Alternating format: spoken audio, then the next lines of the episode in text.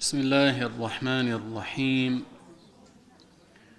الحمد لله رب العالمين وصلى الله وسلم على سيدنا محمد سيد الأولين والآخرين وعلى جميع إخوانه من النبيين والمرسلين. وآل كل وصحب كل ومن تبعهم بإحسان إلى يوم الدين.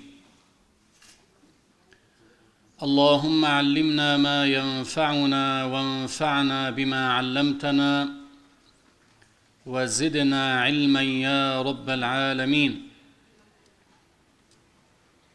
All praise is due to Allah and may Allah raise the rank of Prophet Muhammad, peace be upon him, and protect his nation from that which he fears for them. We ask Allah subhanahu wa ta'ala to increase our knowledge and benefit us with the knowledge we have acquired. Ameen. Brothers and sisters in Islam, let us first have the proper intention in our hearts to attend the lesson for the obedience of Allah subhanahu wa ta'ala.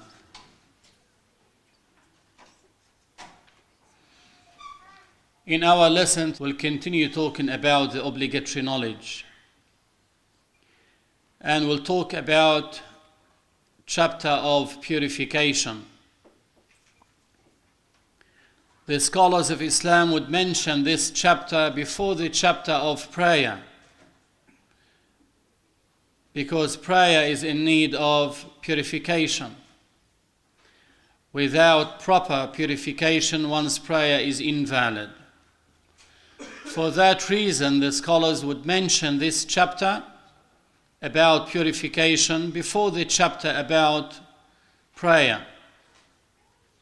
Allah subhanahu wa ta'ala also mentioned in the Quran the following ayah إن الله يحب التوابين ويحب المتطهرين meaning Allah subhanahu wa ta'ala commends those who repent. So if they commit a sin, they rush to repentance. And those who give a great attention to the matters of purification. The Prophet ﷺ said in the hadith narrated by Imam Muslim, الطهور شطر الإيمان الطهور شطر الإيمان Literally it means purification is half of faith. But the meaning of this hadith is purification is a very important part of our religion. In Hajj, when performing Hajj, especially when we talk about tawaf, tawaf is in need of purification. Prayer is in need of purification. There are many matters in our religion that rely on purification. So if one's purification is not valid, then one's prayer is not valid as a consequence for performing invalid purification. One should not be shy when learning about purification because he is in need of such a knowledge, especially when one is asking about matters that are deep.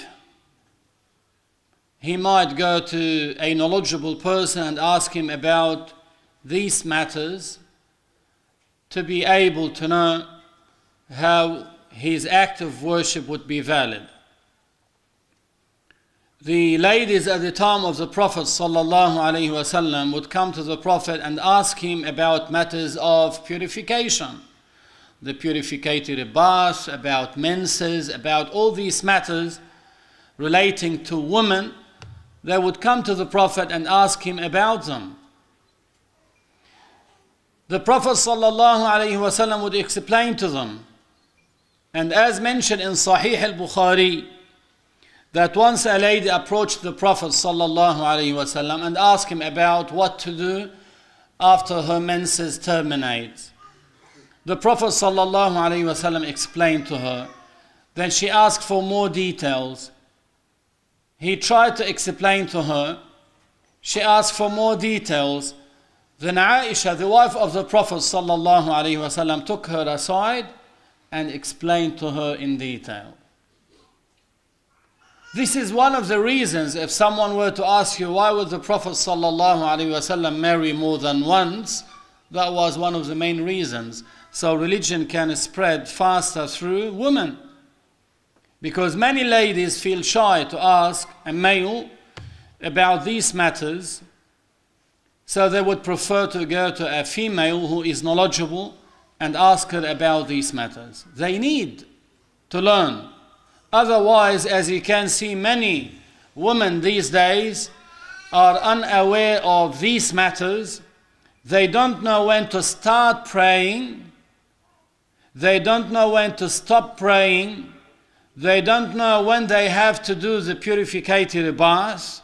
They don't know all these matters. And they don't learn, as they say, they feel shy.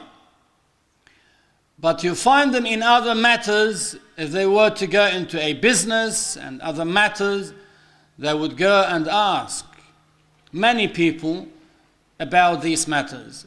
But when it comes to matters pertaining to their religion, because they pertain to the matters of purification, they say they feel shy to ask about these matters. Aisha radiallahu anha said, نعم النساء نساء الأنصار لم يمنعهن الحياء أن يتفقهن في الدين meaning the best women are the women of Al-Ansar. Who are the Ansar? Al-Ansar are the supporters of the Prophet in Medina. Aisha radiallahu anha is saying the best women are the women of Al-Ansar. Shyness did not stop them from acquiring the knowledge of the religion. So when one is in need, he would go to a sheikh, to a knowledgeable person to ask about these matters. He shouldn't feel shy, whether a man or a woman. They should ask about these matters. It's like when you get sick, for instance, even if you have a problem in your private part, you would go to a doctor and you might show your prohibited nakedness to the doctor because you are suffering from this manner. You want to be cured. So here you don't feel shy, you go to the doctor to give you medication and maybe to, for instance, do an operation for you. In your religion, if you need to know about something, even if it pertains to these matters, you need to learn about these matters. Otherwise, you would perform an invalid act of worship. Invalid act of worship. I've heard about some woman who used to think that if she has intercourse with her husband, then she needs to wash only the bottom part of the body. She doesn't have to have a full purificated bath. She used to think that after having sexual intercourse, all what she needs to do is wash the bottom part of the body. This is not true. She has to do a full purificated bath. And she used to think that only when menses terminate, that when she needs to have a full purificatory bath. This is from ignorance. It was mentioned that a person was in a place where he had no water and he was in a state of major ritual impurity. So he needed to have the purificatory bath. But since he didn't have water, he had only the soil. You know how tayammum is performed? So whether for wudu, instead of wudu, or instead of the purificatory bath, it's very simple. As Allah mentioned in the Quran, فَامْسَحُوا بِوُجُوهِكُمْ وَأَيْدِيكُمْ مِنْهُ All what you need to do, strike it twice, wipe your face and wipe your hands up to and including the elbows. This is tayammum with a specific intention. It's very simple. Now, that person, because he did not acquire the knowledge about religion pertaining to these matters, and he was in such a place where there was no water, he started having like a full bath with soil, putting the sand on his body as if he's having shower with sand. That is due to what? Due to ignorance. So one needs to learn, one needs to learn in order to be sure that he is performing the acts of worship in the way that the Prophet ﷺ explained them to the nation. The Prophet ﷺ said once, Pray as you saw me praying, not pray as you think it's valid to pray. No, he said, Pray as you saw me praying. In another hadith, he said, Whoever performs wudu as I do, as he's ordered, and performs prayer as ordered, meaning as the Prophet ﷺ performs it, then his sins will come out of his body, and that is in reference to the minor sins, to the extent that they will come out of his body from underneath his fingernails, meaning he will be washed from the minor sins. If he performs a valid wudu. So when one performs wudu in the right way and performs prayer in the right way, his minor sins will be washed away in order to get all these merits, you need to make sure that you are performing these matters in the right way. And we'll start with the book of purification and prayers. When we say purification, we refer to performing what makes it permissible for one to pray, such as wudu, or purificatory bath, or what is similar in judgment, like making tayammum, dry purification, is a replacement for what? For wudu, when one doesn't have water, or he cannot use water, that's another reason. Let us say he's burnt. He cannot use water. What does he do in that case? He can perform dry purification, or what is similar to it in physical form, like renewing the wudu a person might be having wudu, then he prayed Maghrib, let us say, with his wudu, then now it's Isha time. He's still having his wudu, but what is preferred?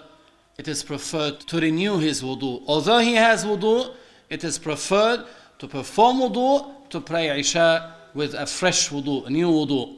Because that previous one, he already prayed with the Maghrib prayer.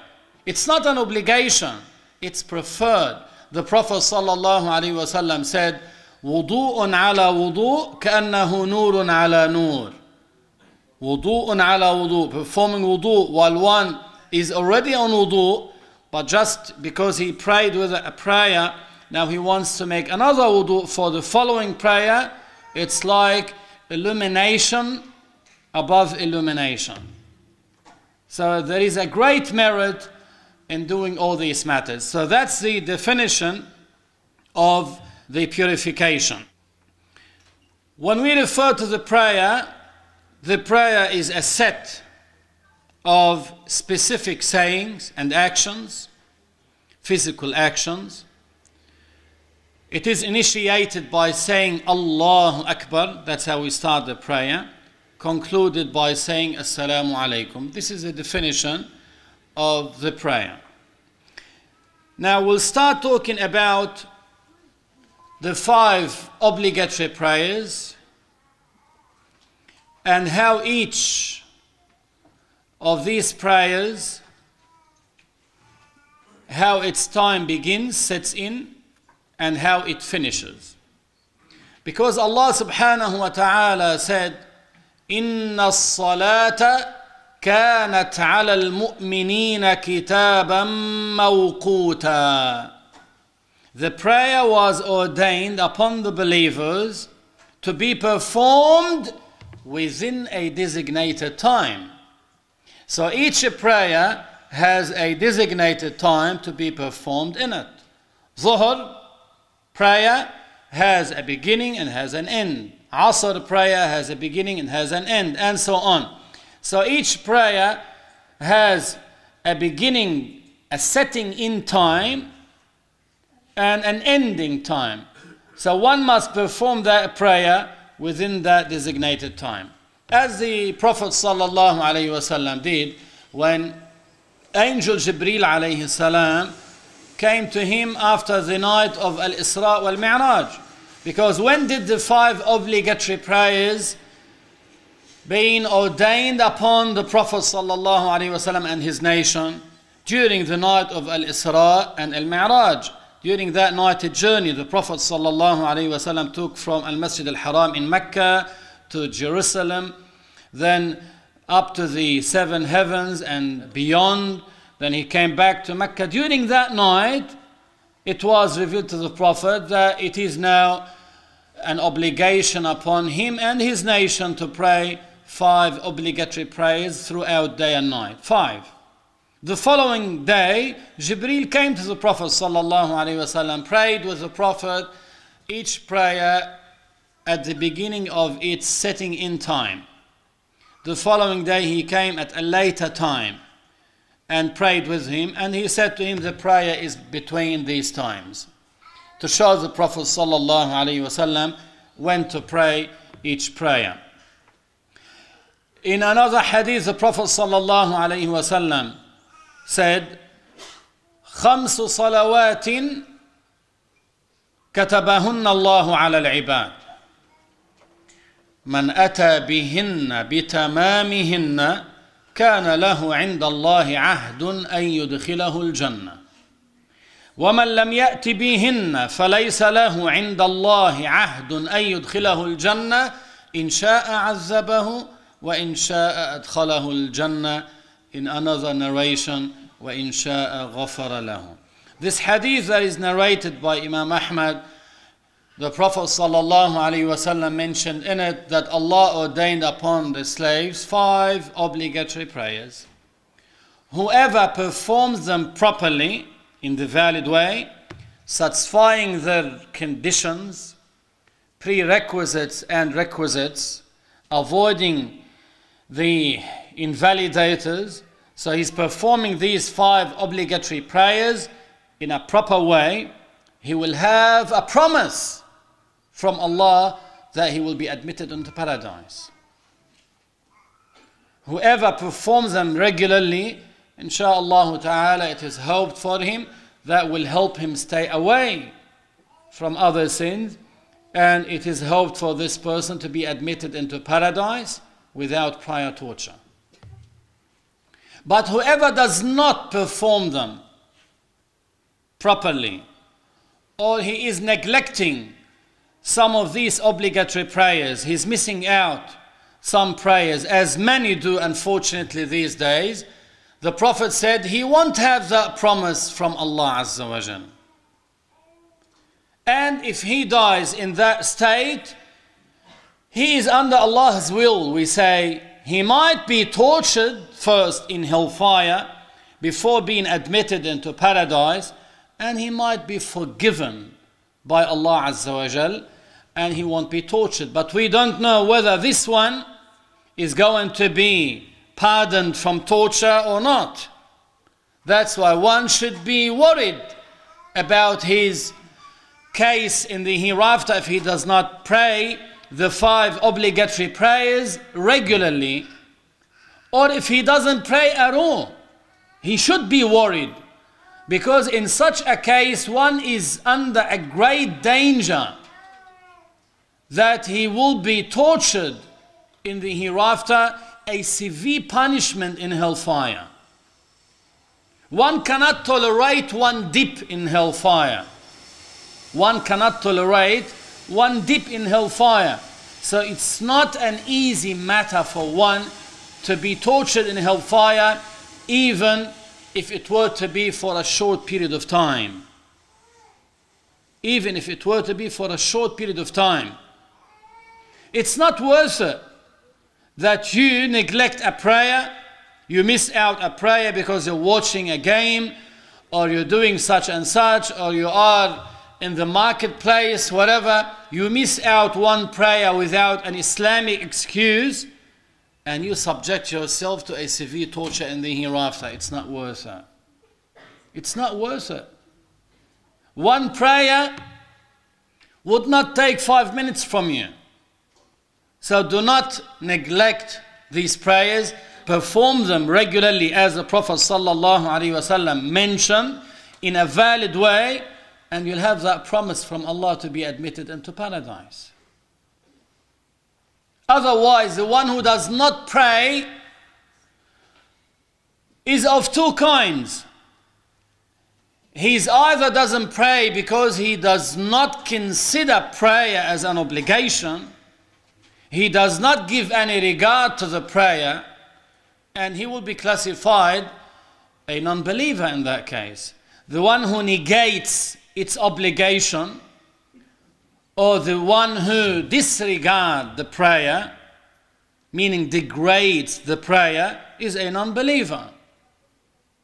But the one who does not pray, and that's the other type, and you find many of them, they do not pray not because they do not deem the prayer as an obligation. They know it is an obligation, but they do not pray out of laziness. They lazy to get up, make wudu, and pray. They are lazy. So what's the judgment? They commit a major sin. Those ones are classified Islamically as great sinners, they are damned by Allah Azza wa Jal, damned, cursed by Allah Azza wa Jal.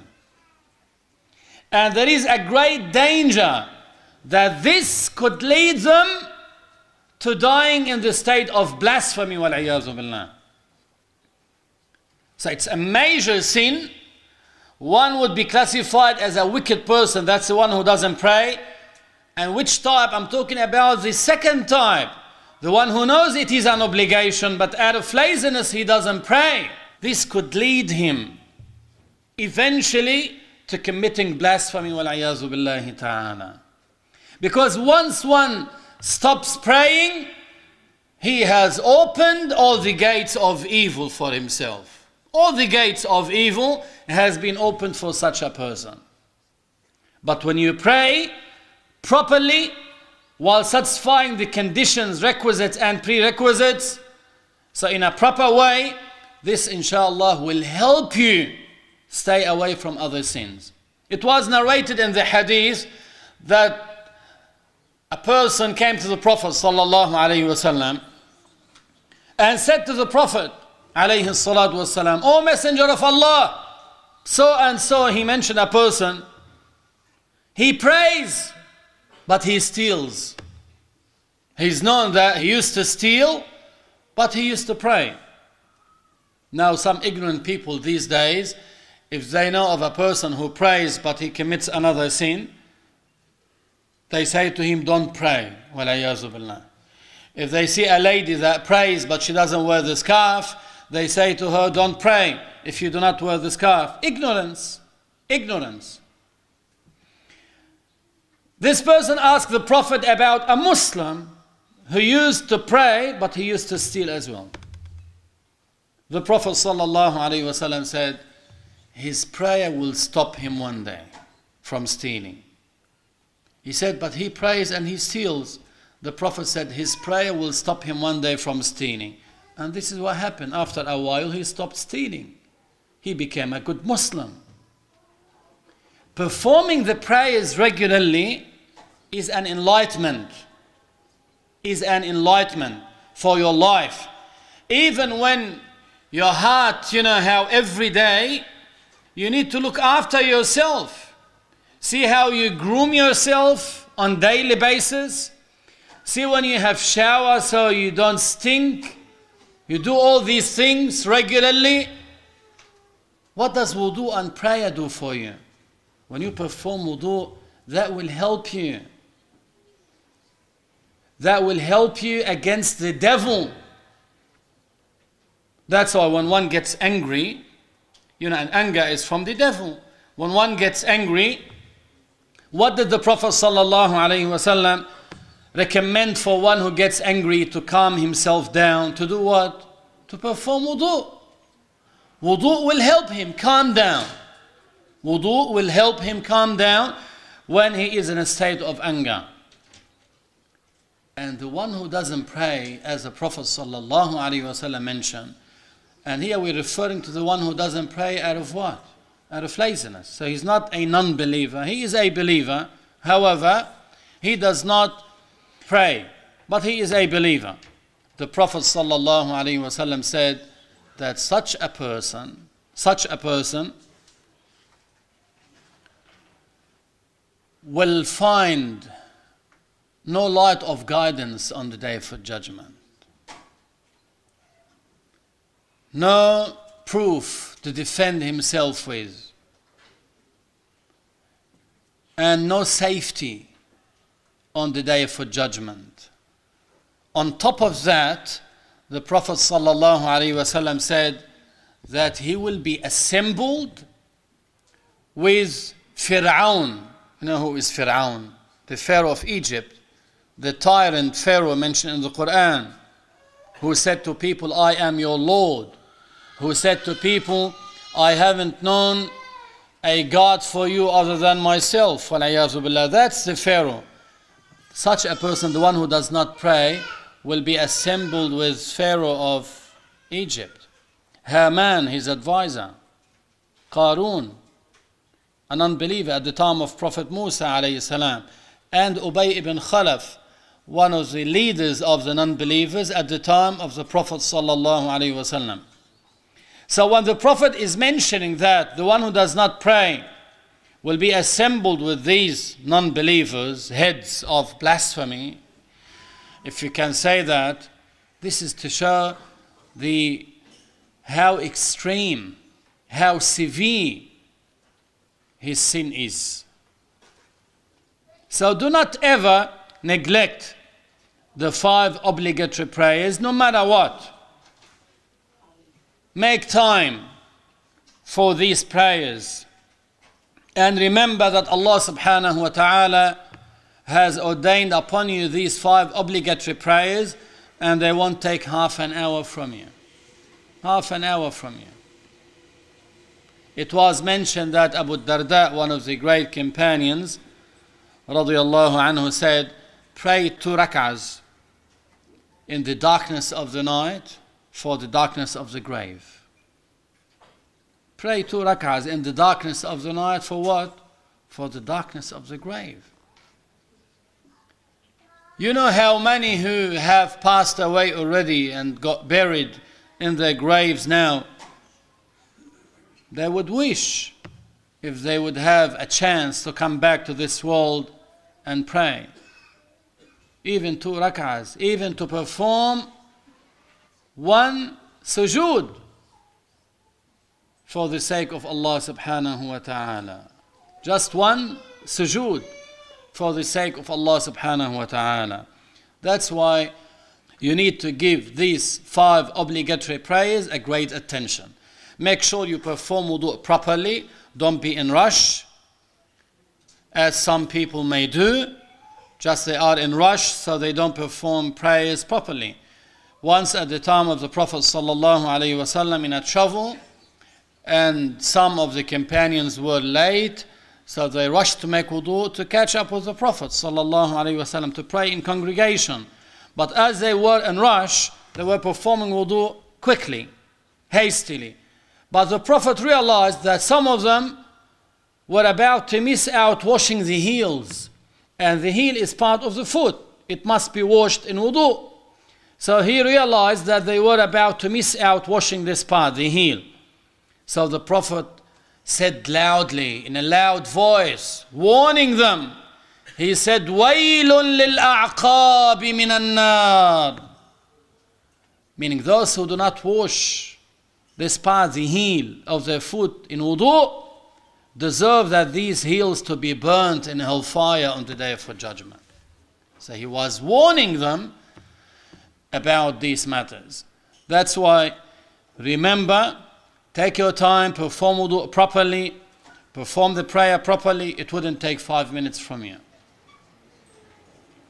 And look, compare the amount of time you spend on your phone or watching YouTube or Facebook or the like, and the amount that is required of you to perform the five obligatory prayers.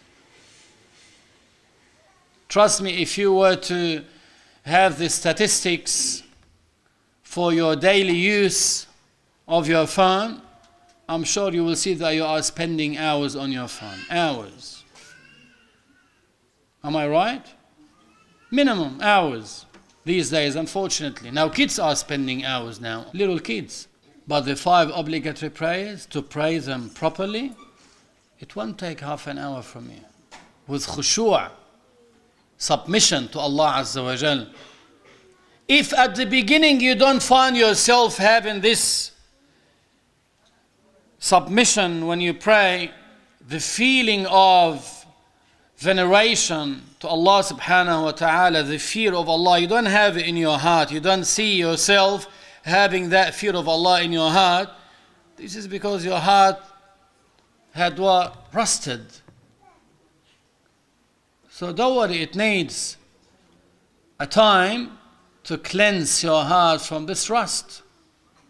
The Prophet ﷺ said that the hearts would get rusted. And the way to remove the rust from the hearts is by making istighfar. Say astaghfirullah, astaghfirullah. That will help you.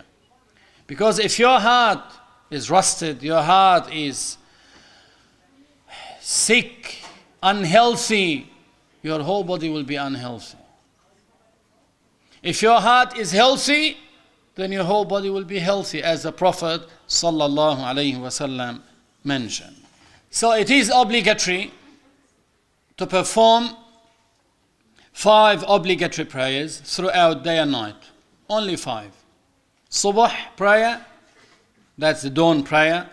Zuhr prayer, the noon prayer. Asr prayer, mid afternoon prayer. Maghrib prayer, sunset prayer, and Isha prayer, nightfall prayer. Five prayers. Only these prayers are obligatory upon every accountable Muslim. Only these five obligatory prayers. We know from this that witr, you know, witr that you pray after Isha, is not an obligation, but it is highly recommended to perform witr every night after Isha. When you pray Isha, and you pray sunnah after that, pray witr before you go to sleep. That's highly recommended. And the Prophet ﷺ said in a hadith that Allah subhanahu wa ta'ala has increased you on top of the prayers that you pray, the five obligatory prayers, a prayer which is al witr. So make sure you perform al witr regularly.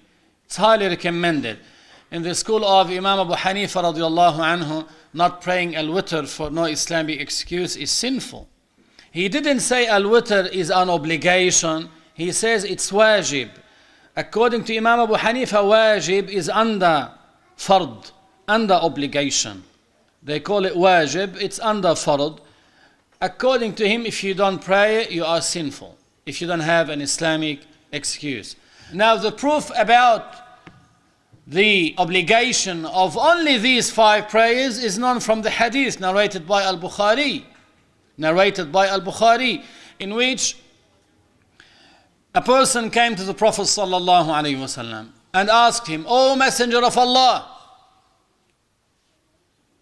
tell me about the obligatory prayers that Allah subhanahu wa ta'ala ordained upon me. The Prophet ﷺ said, these five obligatory prayers. Then he said, Tell me about the obligatory fasting that Allah ordained upon me. The Prophet said, The month of Ramadan. He kept on asking about the obligations only. And the Prophet answered him. After he finished, the person went away. As he was walking away, he looked at the Messenger of Allah and said, I swear by Allah who sent you truly to us, I will not add anything to these obligations, and I will not miss out any of them. So basically, he wants to perform only the obligations. He doesn't want to perform any optional deed, any optional prayer. He wants to stick to these obligations, the five obligatory prayers, and fasting the month of Ramadan. He doesn't want to perform more recommended matters, but at the same time, he doesn't want to miss out any of the obligations.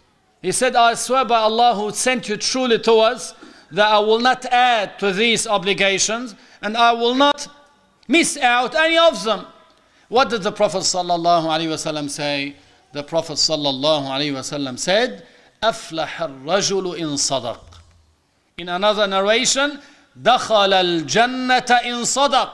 Meaning he will succeed if he acts upon what he mentioned. In another narration, if he acts upon what he mentioned, he will be admitted into paradise.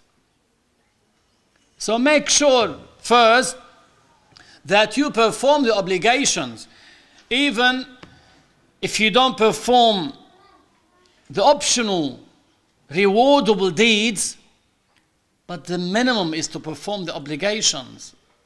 Because you won't be held accountable on the day of judgment for not performing the recommended matters, as the Prophet mentioned here in this hadith narrated by Bukhari. But do not miss out any of the obligations. After you see yourself steadfast on performing the obligations, add to them from the optional deeds, whether optional prayers, optional fasting, that will raise your rank on the day of judgment. You will elevate on the day of judgment. That will help you. You know, one of the scholars in the past from the Salaf, the predecessors, called Thabit al Bunani, was a righteous Muslim. He said, I struggled with myself for 20 years to perform the prayers, meaning optional prayers. He was referring to optional prayers. He used to perform the obligatory prayers and he wanted to get used to praying the optional prayers. So he was struggling with himself for the first 20 years. It's not easy. The devil wouldn't like it. Yourself wouldn't like it. Yourself would tend to what? Having a rest. Would tend to being comfortable in this life. This is what yourself tends to in this life. Uh, have a rest now, watch TV, do such and such, wasting time. But to get up and pray, it's hard on the self. So he said, I struggled with myself for 20 years. Then I started enjoying praying the optional prayers. Started feeling that special taste for the following 20 years. To an extent that it was mentioned that for 40 years, not four days, he would stay all night praying. All night. Praying until dawn. All night. And it was mentioned that just before dawn, and this time, the hour before dawn, the time before dawn, the supplication is more likely to be fulfilled. So just before dawn, he would supplicate Allah. He would say, Oh Allah, if you were ever to grant a person the virtue of praying in his grave, I ask you to grant me this merit. To pray in his grave. To that extent, so in this life, he used to spend his time at night praying, and he's looking for this virtue as well, for this merit, to be able to pray in the grave. So when he died, they buried him. And as Al Hafiz Abu Nu'aym Al Asbahani mentioned in his book Hilyat al Awliya, he had a book called Hilyat al Awliya. He mentioned in this book that this righteous Muslim, Thabit al Bunani, when he died, the two who buried him in his grave and placed him in his lahad. The lahad is the cavity in the direction of Qibla. If the soil is solid, then they dig like an L shape, L shape. So, and uh, they place the deceased in that cavity in the direction of the Qibla, then they put like bricks to cover it, then they put the soil on this side. This is called lahad, that cavity in the grave in the direction of the Qibla. So the one who placed him in the grave, he said, I swear by Allah, I was the one who placed Thabit in his grave, in his lahad, that cavity.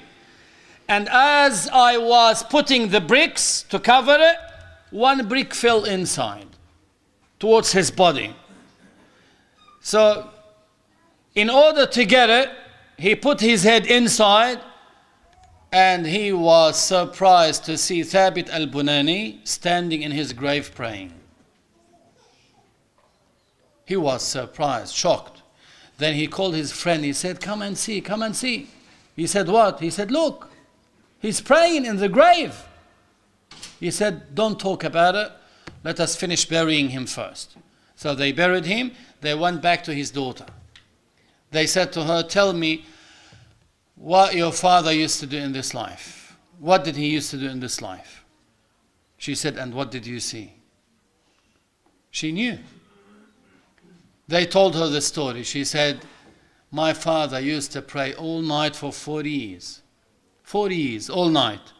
And just before dawn, he would raise his hands and make supplication to Allah Azza wa saying, Oh Allah, if you were ever to grant a person the virtue of praying in his grave, grant me this virtue.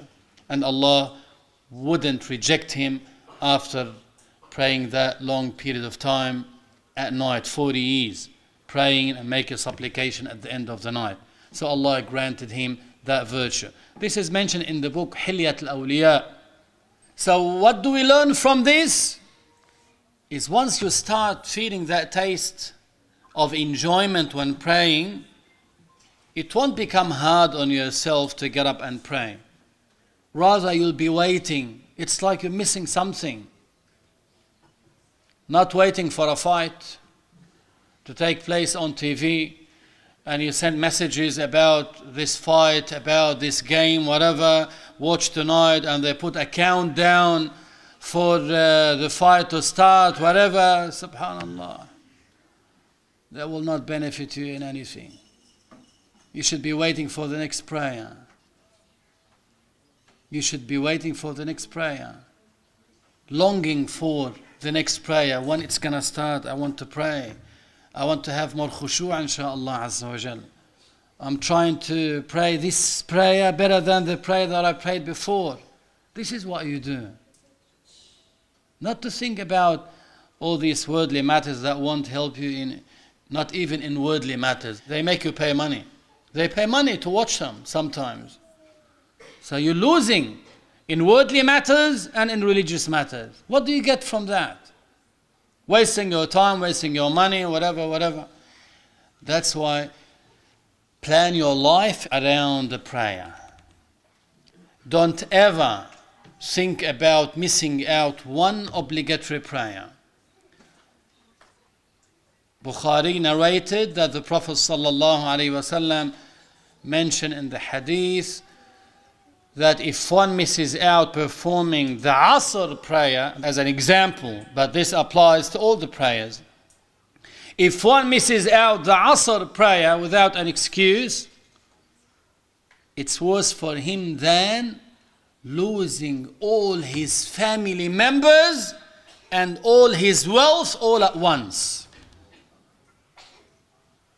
How hard would it be for one just imagine you're sitting down and they tell you all your family members are dead now.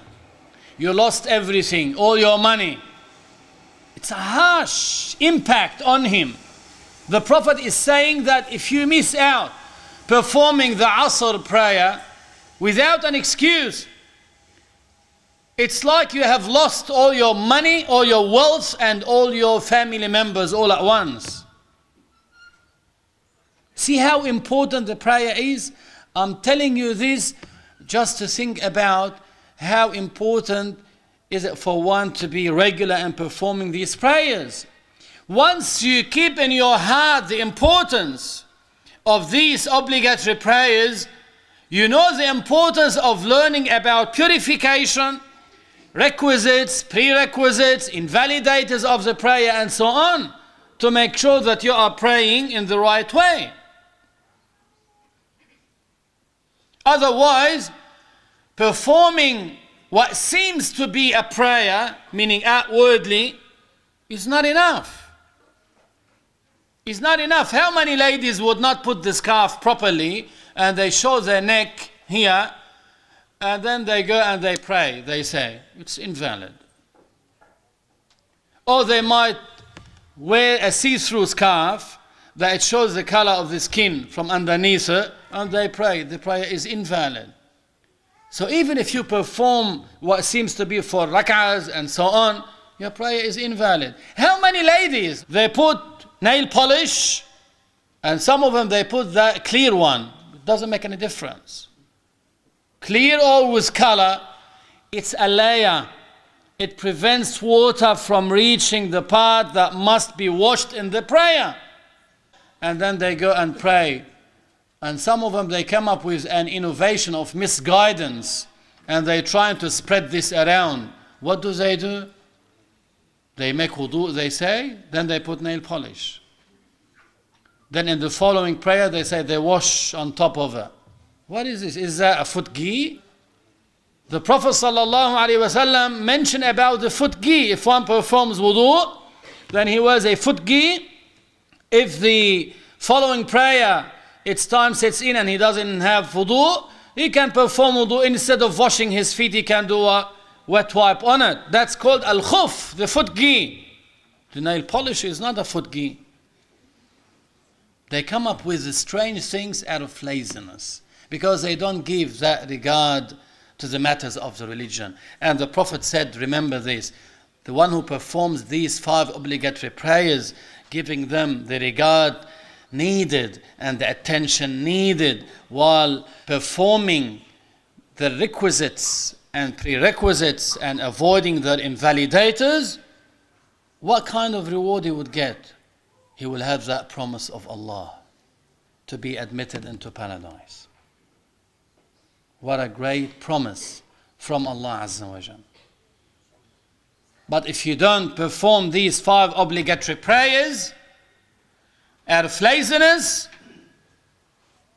you are a major sinner, but not a non believer not a non believer. From the hadith that I mentioned earlier, when the Prophet mentioned that the one who performs them properly will have that promise from Allah to be admitted into paradise. But the one who does not perform them, what happens? The Prophet didn't say he is kafir. The Prophet didn't say he is an unbeliever, will be in hellfire forever. The Prophet he said he is under the will of Allah. He might be forgiven by Allah and be admitted into paradise without prior torture, and he might be tortured first, then be admitted into paradise afterwards. So he is under the will of Allah. That means he's not an unbeliever. We ask Allah subhanahu wa ta'ala to protect us from falling into blasphemy and major sins and to make our end in this life as righteous Muslims. Ameen. And Allah subhanahu wa ta'ala knows best we say La ilaha illallah and we make salah on the Prophet sallallahu alayhi wasallam.